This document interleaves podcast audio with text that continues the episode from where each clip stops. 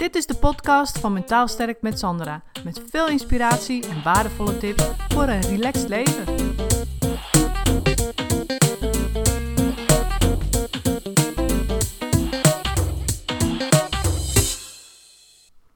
Ik kreeg uh, van een van jullie de vraag: uh, hoe kun je nu een ander loslaten als je ja, vijf jaar of langer in een relatie hebt gezeten, of misschien één of twee jaar, maakt natuurlijk ook niet uit.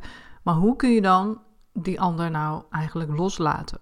Want ja, je bent natuurlijk best een poos samen geweest en je komt erachter, het werkt niet en veel ruzie. Ja, dan heb je natuurlijk een keuze te maken op een gegeven moment van wil ik zo doorgaan of niet. En als je dan inderdaad beslist van ja, het uh, werkt niet en je stopt ermee, dan dan begint het eigenlijk natuurlijk het echte loslaten pas. En weet je, het is eigenlijk net als een soort rouwproces. Want ja, je, je hebt natuurlijk gewoon tijd nodig om los te komen van diegene. En uh, misschien heb je andere keuzes te maken, bijvoorbeeld ergens anders wonen. En dat lijkt me dan wel zo verstandig als je met een relatie stopt. Maar um, ja, er gaan natuurlijk ook andere dingen veranderen. En ja, wij zijn natuurlijk altijd een beetje uh, moeilijk als het op veranderen aankomt. Onze hersenen willen het liefst geen verandering. Dus dan probeer je natuurlijk. Dan val je vaak terug in die gedachten van: oh ja, maar toen en toen ging het toch ook goed.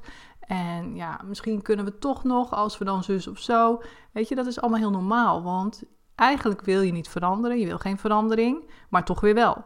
Dus dan word je constant heen en weer geslingerd, zeg maar, tussen al die gedachten en ook natuurlijk de gevoelens die die gedachten allemaal oproepen. En dan maakt het er allemaal niet makkelijker op. Maar het is gewoon voor jezelf belangrijk dat je sowieso uh, de keuze maakt en echt achter die keuze gaat staan. En dat je daarna ook voor jezelf echt in de gaten houdt van als je gaat twijfelen. En twijfelen zijn uh, natuurlijk gedachten of herinneringen waardoor je gaat twijfelen. En dat je die dus, dat je die gedachten of herinneringen ook als gedachten en herinneringen gaat zien. En dat dat niet per se betekent dat je daarin mee moet gaan. Maar dat je dan opmerkt van, oh ja, weet je, ik heb nu die gedachten weer over dat het toen, toen wel lukte of toen leuk was of hè, zou het niet nog. Nee, weet je, die keuze is gemaakt. En richt je op het nu, wat er nu is, nu in je leven en hoe je nu verder kunt en welke stappen en doelen je daarin kunt nemen. En natuurlijk zul je ook te maken hebben met verdriet, van loslaten van iemand of dat iemand, degene, de andere persoon ook nog probeert om, ja, die zit natuurlijk ook in datzelfde proces van loslaten. Weet je, die heeft misschien ook gedachten van, ja, toen en toen ging het toch wel leuk en misschien, kunnen, misschien lukt het nog wel even of niet. En dat die dan ook weer eens contact opneemt en dat je dan, ja, terwijl jij er misschien op dat moment niet mee bezig was, dan toch weer gaat twijfelen. En dan is het gewoon ook weer belangrijk, ook naar de ander toe, om dan duidelijk te zijn. Zeggen van nee, we hebben deze keuze gemaakt, weet je.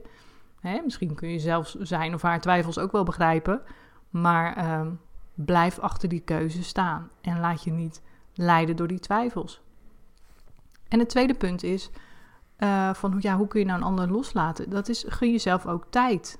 Dus wat ik zeg, het is ook een rouwproces.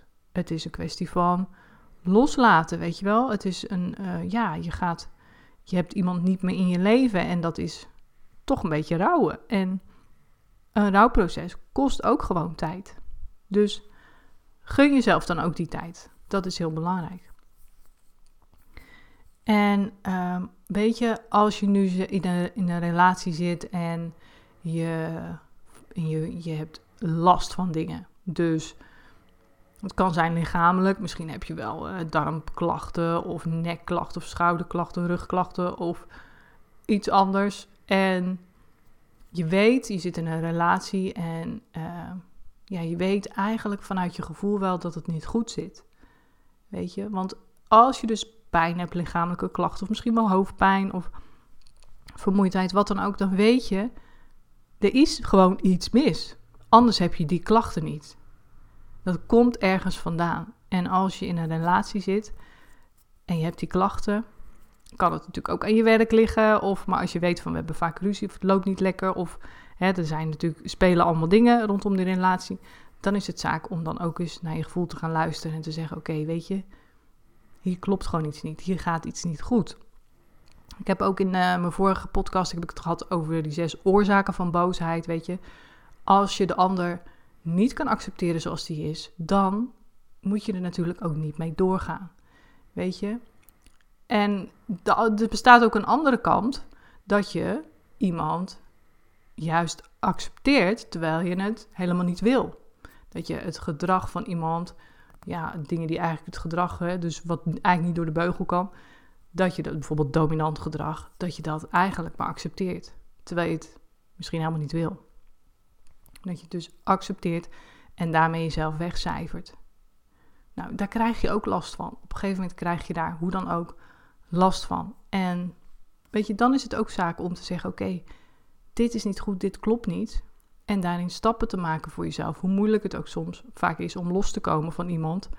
Zelfs als je weet, dit is geen goede relatie voor me, kan het nog steeds moeilijk zijn om iemand los te laten. Maar dan geldt ook weer diezelfde, diezelfde stappen. Eigenlijk zie je het als rouwverwerking. Maak die keuze, blijf daarachter staan en gun het tijd. Maar vooral ook richt je dus op het nu en wat voor jou een belangrijk of waardevol leven is. Dus weet je, er zijn genoeg dingen waar je op kan richten. Uh, die je energie geven of die je leuk vindt. Of waarvan je denkt van, oh, daar heb ik nu eindelijk tijd voor. Of daar voel ik ruimte voor. Of daar komt uh, ja, ruimte voor in mijn hoofd. Weet je, om daar überhaupt eens over na te gaan denken van, wat wil ik nu eigenlijk? Dus het is ook een stukje, verleg je focus naar het inrichten van wat voor jou een waardevol leven is. En het leven naar je waarde. En ja, dat is gewoon wat het is. En nogmaals, dat kost soms gewoon tijd. Maar als jij die focus verlegt naar wat wil ik eigenlijk, waar wil ik naartoe, en daarvoor doelen gaat stellen, stappen gaat maken, dan kan het een stuk sneller gaan dan dat je die focus niet hebt. Want dan ja, heb je natuurlijk meer kans dat je blijft hangen in die twijfels of, of gedachten of verdriet of al die, al die dingen. Dus ik hoop dat ik jullie daarmee uh, weer een beetje heb geholpen. En uh, heb je nog vragen voor de podcast? Stel ze me gerust gewoon via de mail. Dan uh, zal ik daar een podcast van maken. Tot de volgende. Doei doei. Bedankt voor het luisteren. Het is mijn intentie om met deze podcast waardevolle inzichten te delen die je kunt gebruiken voor je eigen leven en die je helpen groeien in je persoonlijke ontwikkeling. Wil je voortaan alle verhalen bij elkaar hebben staan? Abonneer je dan even op Mentaal Sterk met Sandra op iTunes of Stitcher. En ben je enthousiast over mijn verhaal? Dan zou ik het superleuk vinden als je een review achterlaat. Dat kun je doen in iTunes of Stitcher en geef je bij beoordelingen en recensies een korte review. En ben je echt enthousiast? Geef dan 5 sterren. Dat zorgt ervoor dat ik hoger in de ranking kom te staan en nog meer vrouwen kan inspireren tot een relaxter leven. Dank is groot als je dat even voor me wilt doen. Tot de volgende keer bij een nieuwe uitzending.